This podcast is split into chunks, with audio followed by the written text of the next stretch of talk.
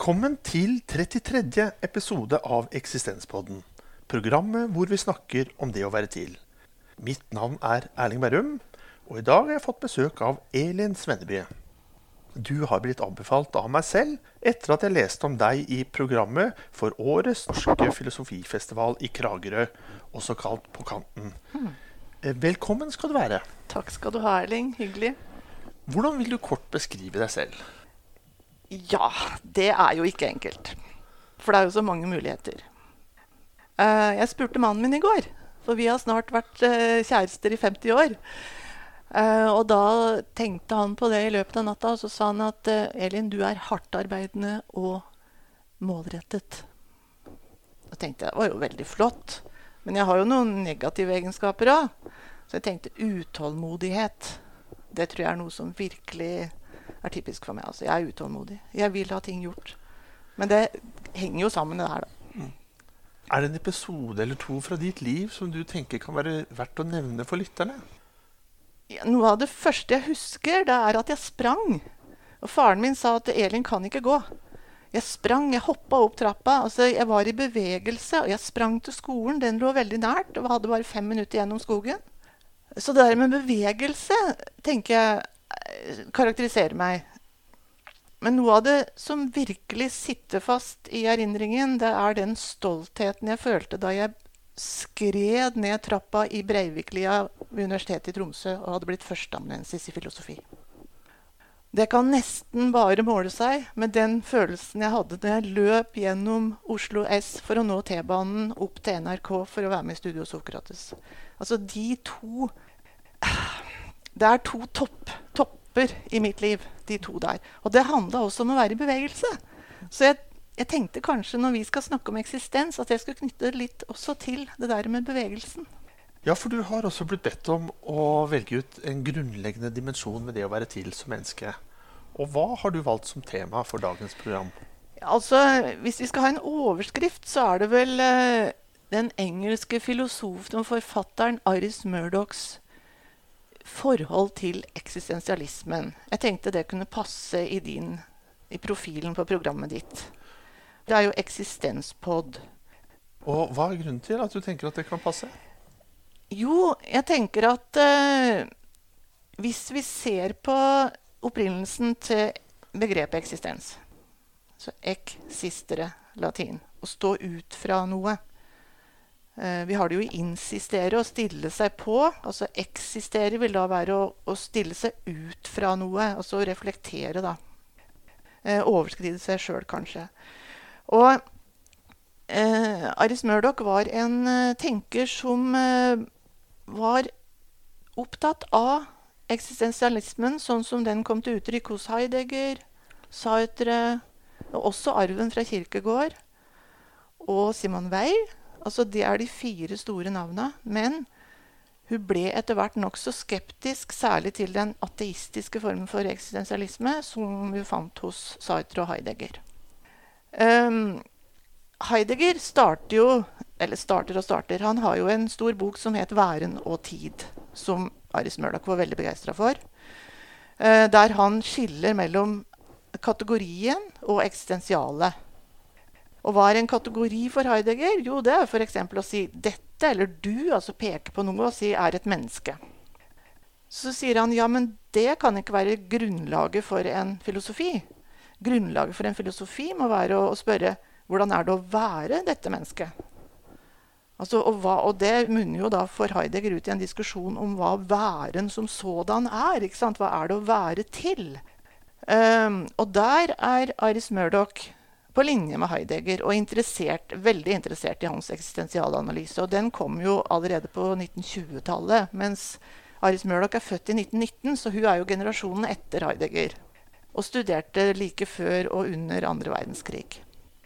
Og på den tida så var eh, den kontinentale filosofien, altså Heidegger, Sartre, Wei for så vidt, alle de som hun ble veldig interessert i, de var jo ikke ansett som filosofer i eh, Oxford. vet du.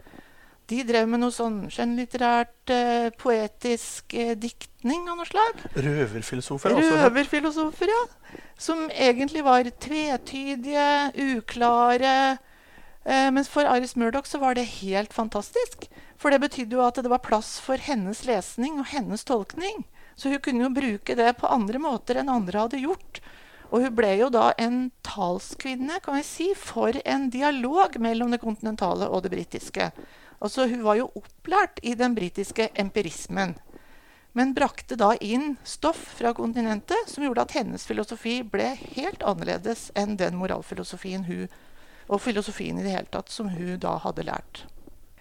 Eh, det er jo ganske spennende akkurat nå, fordi det er en veldig Aris Murdoch revival i verden. Det var 100 år siden hennes fødsel i fjor.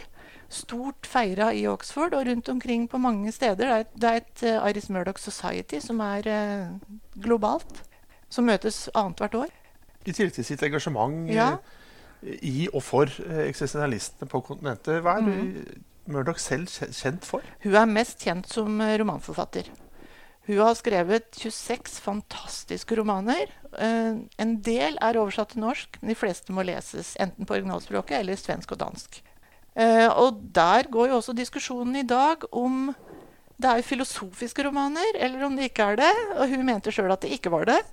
For hun hadde et ganske strengt begrep om filosofi på tross av den kontinentale legningen. Men hun motsier også ofte seg sjøl, og hun snakker også om en toveisbevegelse i filosofien. Fra det å danne teorier, og så gå tilbake igjen til enkle, dagligdagse fakta. At begge sider må være til stede i filosofien, og de er også til stede i hennes tenkning. Så hun kan, hun kan på sett og vis leses eh, ja, Hun er en filosof som appellerer til veldig mange.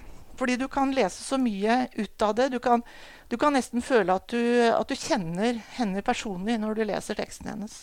Hva er temaet i bøkene hennes? Ja, Det er veldig ofte en konflikt eh, mellom noen få mennesker som da bygger seg opp til å kunne bli ganske dramatiske og farlige og ende med både sorg og død og fortapelse, men også hele tida med en komisk under, eller ironisk undertone. Hva med Albert Camus? Han er eh, ikke eh, særlig nevnt av Aris Murdoch. Men han ville jo da stille litt på linje med Sartre. Altså Det som ble hennes problem med Sartre, og for så vidt også Camus, det er at hun opplevde den ateistiske eksistensialismen som altså For det første Den ble veldig selvsentrert. Altså Det handla om frigjøringen av meg selv, syntes Aris Murdoch. Og så ble en ehm, ja, altså, Så det sosiale, de andre, det andre, altså alt det andre levende i verden, det ble liksom satt på sida. Mens det handla om min frihet, mine prosjekter, det jeg skal få til her i verden. Hvordan jeg skal overvinne min angst. Altså, Når uh, Sartre skriver om væren og intet, så er jo intet er jo eh, frykten eller angsten, tilintetgjørelsen. Det at vi skal bli borte. Og det kan du også si hentes hos Kirkegård, da. Men eh, han har jo også et kristent syn i bånn. Så det er jo mer den derre um, Den filosofiske ensomheten. tror jeg. Det er en filosofisk og logisk ensomhet hos Sartre. Og den tror jeg også hun ville kunne si da også lå hos Camus. Men hun var ikke noe Hun har ikke sagt så mye om. Som Men hun knyttet det til det ateistiske. Ja, det er helt klart. For Simon Weil var jo også en eh, eksistensialist, men med et kristent fundament. Eh, Simon Weil sa jo at eh, det er to hovedkrefter i verden. Det er tyngdekraften som trekker oss nedover, altså mot tilintetgjørelsen, for å følge opp Sartre. Men så er det den andre kraften, og det er jo lysets kraft, som trekker oppover. Og den er på en måte borte i mye av filosofien. Du finner den i de religiøse tekstene, selvfølgelig. Der er det lyset og det som trekker oppover. Og Aris Murdoch hun knytter jo det til Platon og hans sollignelse, hulelignelse osv. Og, og at eh, det handler om at det å leve et godt liv handler om å bli kvitt sine illusjoner. Det er de vi skal bli fri fra, ikke fri fra andre mennesker eller, eller være aleine eller holde på med et eller annet i ensomhet. Hva slags type illusjoner er det? Eh, Det er eh, illusjoner som stammer fra fantasien, eh, i motsetning til de som kan stamme fra imaginasjonen. Altså For Aris Murdoch er det viktig å skille mellom fantasi og imaginasjon. Hun kalte seg realist, og imaginasjonen det er når vi bruker det vi kaller fantasien, og skriver fortellinger, f.eks., for altså romaner som hun gjorde, da, som kunne ha hendt i virkeligheten. Mens det fantastiske, altså fantasien, det er eh, fortellinger som ikke kunne ha hendt. Altså som ikke har rot i virkeligheten. I eh, bøkene hennes Ja. eh, blir dette også da eksemplifisert. Eh, hvor kanskje de som da lar seg forlede av fantasier, de går det kanskje Ja, lettere ille med. helt klart. Og helt klart. motsatt de som lar seg uh, forlede av egen imaginær kraft, Ja. som kan skje. Der, der kan det lettere skje gode ting. Ja. Det er en veldig riktig observasjon. Helt klart. Men hva er grunnen, Godt til at, sagt. hva er grunnen til at du Elin, liksom er opptatt av, uh, av Murdoch? Og hvorfor har dette fascinert deg? Og, eller også da eksistensialistiske feltet. Nei, altså, jeg kom jo inn i filosofien på, i en tid da det omtrent ikke fantes kvinnelige filosofer i det hele tatt. Vi hadde noen få sider av Simone de Beauvoir. Det var alt vi hadde. Nå snakker vi altså om eh, ja, slutten av 70-tallet, eller midten av 70-tallet. Og, eh, og det å finne tilbake igjen til kvinnelige filosofer gjennom historien, det ble veldig viktig for meg. Jeg fant jo Mary Wollstonecraft, jeg fant Hannah Arendt, jeg fant Edith Stein. altså Andre har jo selvfølgelig også funnet de samme. Eh, men disse ble viktige for meg. Simone Beauvoir selvfølgelig ble viktig for meg. Og så kom da Iris Murdoch inn i livet mitt. Eh, Forholdsvis seint, egentlig. Eh, fordi jeg tenkte også mest på henne som en romanforfatter. Og jeg hadde ikke noe forhold Jo, jeg hadde et forhold til skjønnlitteratur, selvfølgelig, men ikke som, ikke som filosofi. Men nå har jeg det absolutt. Altså, nå, nå ser jeg jo hvordan Eller jeg vil i hvert fall si at uh, sjøl om Aris Murdoch kanskje var uenig, vil være uenig med meg, at, eh, moral, at hennes romaner er en fortsettelse av hennes moralfilosofiske diskusjoner. At vi finner altså de samme temaene, som f.eks. det der med å bli fri for illusjoner. Og hvordan eh, eh, ufriheten mest handler om eh, det erkjennelsesmessige. Altså at vi inngår og innbiller oss ting som faktisk ikke fins. Eller vi innbiller oss at vi er sjuke, vi innbiller oss at, eh, at den, det andre mennesket vil oss noe vondt. ikke sant? Altså alle de her antagelsene vi gjør, fordommene vi har, da, som viser seg ved nærmere ettersyn ikke holde stikk. Altså Du har et, eh, et veldig godt eksempel som kalles MD på engelsk. Mother daughter. Og det er altså svigerdatteren. Som svigermor da ikke liker i utgangspunktet. Eh, Hennes uh, måte å være på setter hun da navn på som at hun er jålete, uh, snakker dumt, uh, gjør dumme ting. Ikke sant? Altså, ja, jeg husker ikke alle adjektivene. Men så reiser eh, svigerdatter og, og sønn bort, og så begynner svigermor å tenke seg om. Og Reflektere og tenke sånn «Ja, Det er jo egentlig ikke jålete. Det dette er jo en fin eh, måte å være kvinne, ung kvinne på. Uh, sier jo egentlig ikke så mye dumt. Hun er jo egentlig ganske frisk i, i språket, ikke sant?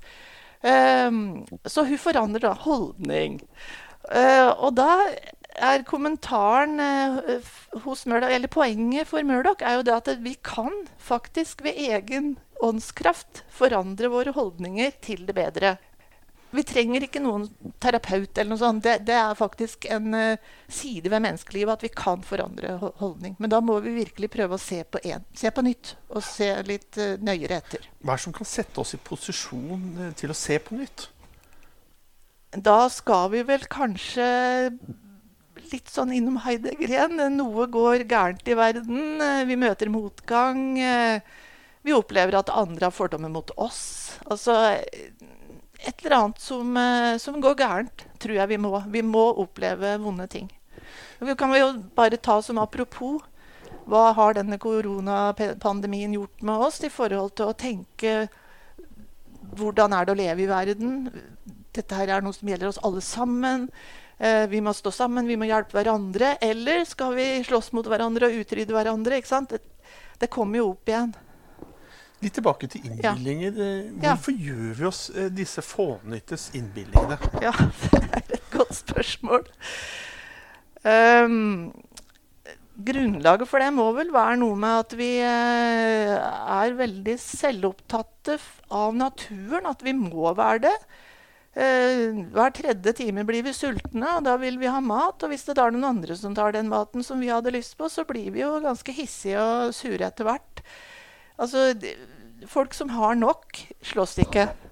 Men når det, ressursene blir knappe og folk blir for mange, så begynner eh, da begynner mistenksomheten mot de andre, og andre er ute etter å ta noe. Og da blir tyveriet fryktelig, og vi vil ikke dele med noen, og dette er mitt. Og, ja. Jeg tror det er, det er, naturlig, tror jeg. Vi er født sånn. Ja, kan det også skyldes eh, oppvekstvilkår? Jeg tenker ja. Hvis man eh, eh, la oss si er litt understimulert eh, som barn, så mm. vil man kanskje lettere gjøre seg innbildinger i forhold til andre. Til ja. forskjell fra noen som la oss si, dynkes i kjærlighet og, og trygghet. Ja, altså Det der ligner jo i grunnen på det jeg sier. da, altså Hvis det blir for lite oppmerksomhet, så er det også skadelig. Uh, men vi skal heller ikke ha for mye. Altså skal, det jo, Dette her blir jo uh, å tenke litt platonsk eller uh, gammel antikk. da, At for mye og for lite forderver alt, som vi sa i oppveksten. Skal ikke sy putter under armene på, på ungene og sånn. Og ja, men altså, det er vanskelig å si det nå, for jeg opplevde jo sjøl en veldig fri barndom. Jeg bodde på landet og løp ut i skogen og var ikke redd for noen ting. Og, og tror ikke jeg trengte så fryktelig mye illusjoner om noe heller. Og jeg, ikke, jeg, var ikke mistenksom mot noen. Og det kunne selvfølgelig ha gått veldig gærent når jeg f.eks. reiste til København alene som 17-åring. ikke sant? Men det gikk bra. Og, eller da jeg hadde jobb på psykiatrisk sykehus og, og fikk eneansvaret for 27 sinnslidende menn. Uh, hadde seinvakt. Det kunne gått veldig gærent, men det gikk uh, helt utmerket. Altså, jeg hadde en sånn uh, trygghet i ryggen. Og møtte bare folk på dums premisser, tror jeg. Så ja, det er viktig det du sier der. Altså, klart at vi må ha en oppdragelse, men, men den må, den må um, den må liksom balansere da, mellom frihet og ufrihet. Og, altså, det å ha flere søsken er sikkert også veldig Jeg har bare hatt én søster, men det å ha mange søsken som du skal dele med, det lærer deg jo å, å ikke bare tenke på deg sjøl. Og kanskje også at du får mindre illusjoner da. Ja, jeg kommer jo fra en familie med fire brødre. Ja. Og det opplever jeg at jeg har lært mye av. Jeg merker forskjell på andre jeg møter som ikke har vokst opp med en stor søskenflokk at det er, det er noen atferdsmønstre eller koder da, mm. som ikke er til stede, som vi kjenner igjen hos ja. de som har vokst opp hos mange. Jeg tenkte bare en, en kommentar til på det med illusjonene. Fordi det er jo ikke sånn Aris Murdoch tenker jo ikke sånn, og det gjør ikke Platon heller, at uh, enten har vi illusjoner, eller så har vi ikke. Vi har alltid illusjoner, og vi får nye illusjoner. Men vi kan bli mindre og mindre fantasi Altså ikke, Hvilket ord er det vi skal bruke der, da? Altså, vi kan bli mer og mer realistiske. da. Vi kan se verden tydeligere og tydeligere, men vi kommer aldri til å se verden sånn som den faktisk er. Altså, Det er uh, å stile for høyt. Så vi, lever, vi, må leve med en del, god del illusjoner. Bare litt tilbake til det du nettopp nevnte med mm det, hva som lå til grunn for noen av de valgene du tok som også kunne være litt skumle. da. Mm. Du, du, viste til med trygghet og, og, kjærlighet, men kan det også knyttes noe til mot? Ja. Eh, for det er jo de valgene du tok og situasjonene du utsatte deg for. Jeg syns det hørtes litt sånn gjervt ut òg, da. Ja, og, og da, det er veldig flott hvis du hørte det. Uh, og mot, da, som eh, Aristoteles ville ha sagt, som den gylne middelvei mellom det å være feig og det å være overmodig.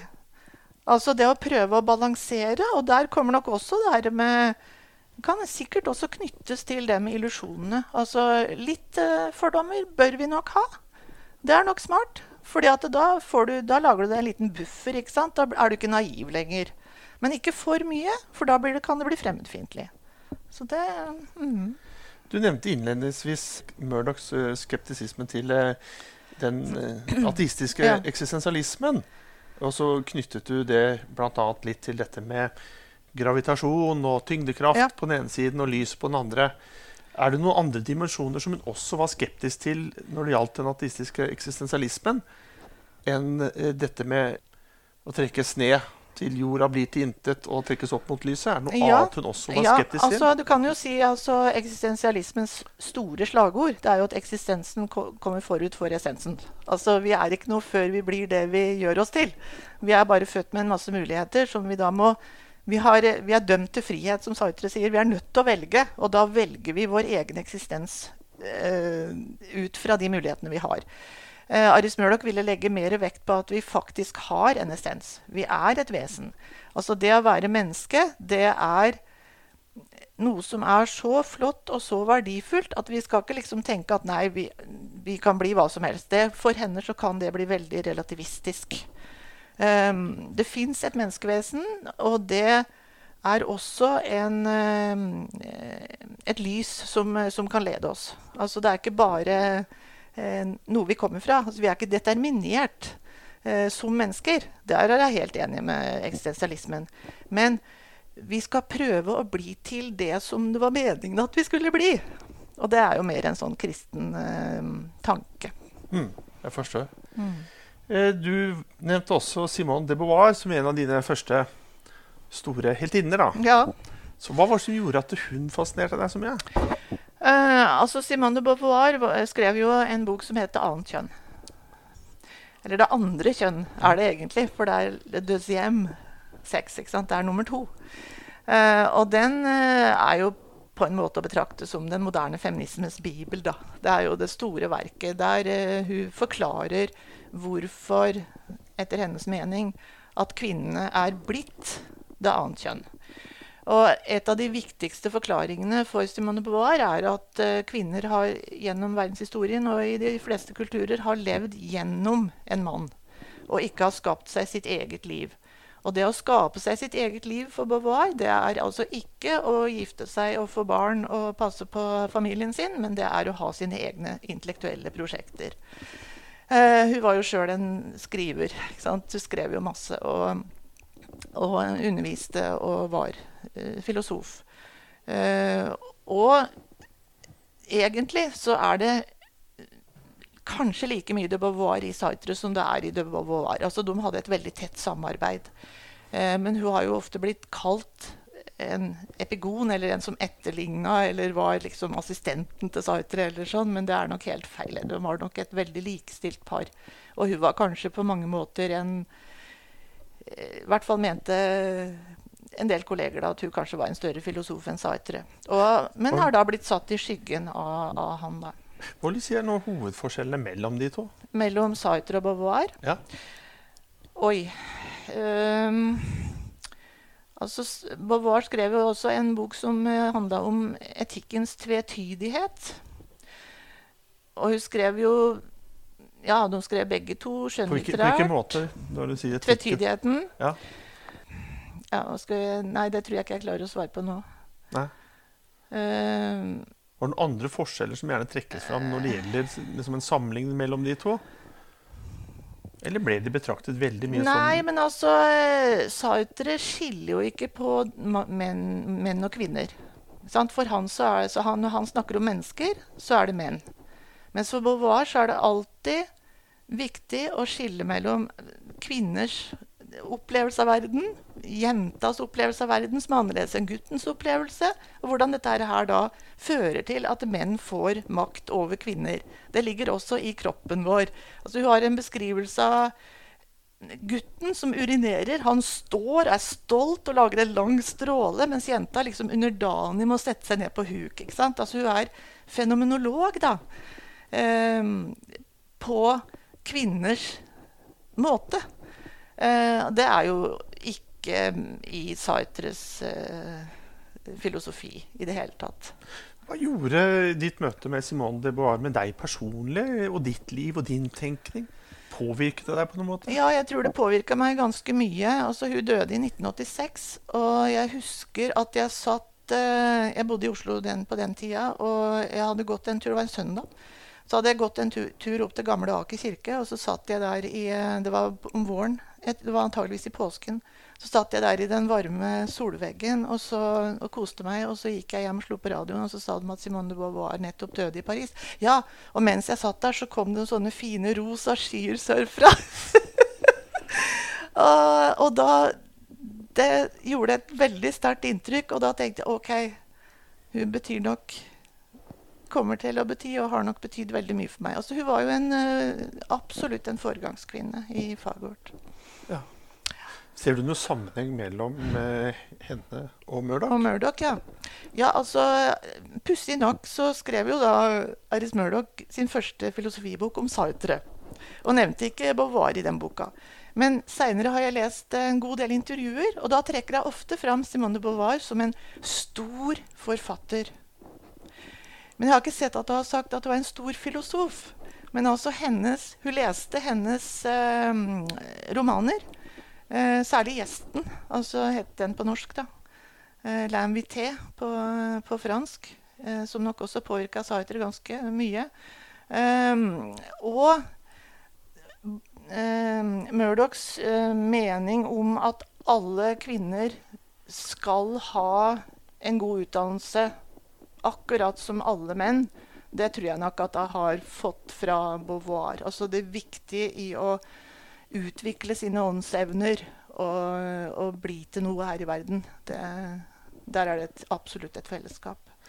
Når Murdoch eh, liksom kritiserte den ateistiske eksistensialismen, la hun mm. selv til eh, noen på en måte retninger eller meningsinnhold som eh, hun mente kunne liksom balansere ut det som var manglene ved den ateistiske eksistensialismen. Du nevnte liksom det med lys, men ja. utdypet hun det? Snakket hun? Pekte hun noe selv på hva som manglet? Ja, altså via Simone Weil, da. Så, så, og da kan vi jo gå tilbake igjen til at jeg karakteriserte meg sjøl som utålmodig.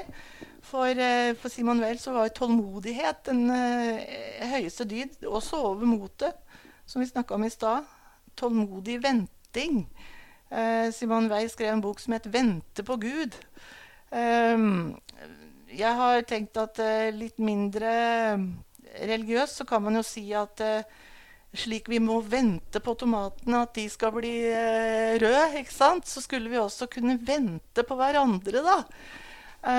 Der er jeg ikke flink. Jeg er masete, utålmodig og eh, kan da bli ganske skadelig i forhold til mine medmennesker. Det er jeg veldig klar over, men jeg har fryktelig vanskelig for å holde opp. Uh, men det med å ta det litt med ro Aris Murdoch skriver veldig ofte i romanene sine 'There was a moment's silence'. Da ble det et øyeblikks stillhet. Og du, hvis du da stopper opp hvis du klarer å stoppe opp der sammen med forfatteren, og så tenke deg om Hva er det som skjer her? Jo, her er det en mulighet for å forandre retning i livet mitt. Um, kanskje jeg skal gripe anledningen som nå er blitt gitt meg, til å kanskje sette meg inn i en annen situasjon, se hva jeg holder på med. Så jeg syns det er et veldig godt begrep, det der et øyeblikks stillhet. Og vi snakker jo også om evigheten som tidens Når tiden krysser evigheten, det er øyeblikket. ikke sant? Det er fra Kirkegård. Og det, det, er kanskje akkurat der vi kjenner eksistensen. da. Når vi stopper opp og slutter å være så utålmodige. Så tålmodighet. Og så har du også den buddhistiske siden ved, nei, med Aris Murdoch, altså zen-buddhismen. Um, med at alt levende er hellig. Altså vi um, Mennesket har ansvar for alt annet. Men vi har ikke noe rett til å sette oss over det andre og si at vi er mer verdt. Så ligger, der ligger det en sånn grønn stripe også hos Iris Murdoch. I forhold til det siste du ja. sa, så tenker jeg jo selv at der har vel mange av oss et vesentlig vekstpotensial. da. Ja. Å bli flinkere til den, og i større grad på å bli i ett eh, og samsvar med omgivelsene. Mm. Har du selv praktisert litt eh, av dette i eget liv, hvor du prøver å, å ha et mer likeverdig forhold til omgivelsene og ja, jeg, jeg, håper og tror at jeg i hvert fall har hatt det i forhold til kattene mine og hundene. Um, og prøve å forstå hva er det de vil for noe nå. Eh, som ikke kan fortelle meg det med språk, men kan fortelle det med kroppen sin og øya sine. Og hva er det dette betyr? Og der er det nok en overføringsverdi også, i hvert fall til kanskje de som ja, mennesker som har problemer, som mangler språk, eh, barn, eh, demente osv. Som eh, Altså, Aris Murdoch lærte tidlig av faren sin at hun skulle aldri drepe en edderkopp. Skulle sette den pent ut i hagen, eller la den sitte i hjørnet sitt eh, der hvor den gjorde nytte. Uh, Fanga fluer, kanskje. Sånne ting ligger også for meg i hennes Et øyeblikks stillhet. Altså at, at, vi Det er så mye bråk rundt oss. Så den stillheten som da oppstår når folk blir forbausa um, Jeg vet ikke om vi har tid til å ta en liten anekdote? Ta gjerne det. Ja. Uh, det er en av, romanene, en av de tidlige romanene til Ari Murdoch fra um, 50-tallet. Uh, som heter uh, The Bell, eller Klokken. Og der er det en episode med en uh, kvinne som heter Dora, som er på vei på et tog for å møte sin mann et sted i England. konteksten får vi glemme nå. Og så når hun da sitter der på toget, så oppdager hun av mange interessante grunner en sommerfugl på gulvet. En rød admiral. Så tenker Dora, hvis Hun er en følsom ung dame. Så tenker hun hvis ikke jeg gjør noe med det der, så kan den bli tråkka på. Så jeg må gjøre noe. Og Så går toget inn i en tunnel, og hun samler da opp denne sommerfuglen i hånda. Eh, og skal gå av på, på, stasjonen. Og der står jo da Pål og venter. Og hun glemmer jo både koffertene og solhatten hans, og toget reiser. ikke sant? Og han skjønner ingenting. Hun kommer der uten noe som helst. Hva er det du gjør, Dora, sier han. Eh, ber du? For hun, hun, står sånn, ikke sant? Og så, å, hun hadde glemt sommerfuglen. Og så åpner hun henda, og så flagrer den av gårde. Og så Istedenfor at han da sier 'Å, så flink du er som redder livet til en sommerfugl', så sier han skal han alltid finne på så mye rart'. Her var en fin anekdote. Og nå er vi på slutten av dagens program. Jeg pleier da, og gjør nå også, eh, spør om du har noen eh, tips eller råd til lytterne.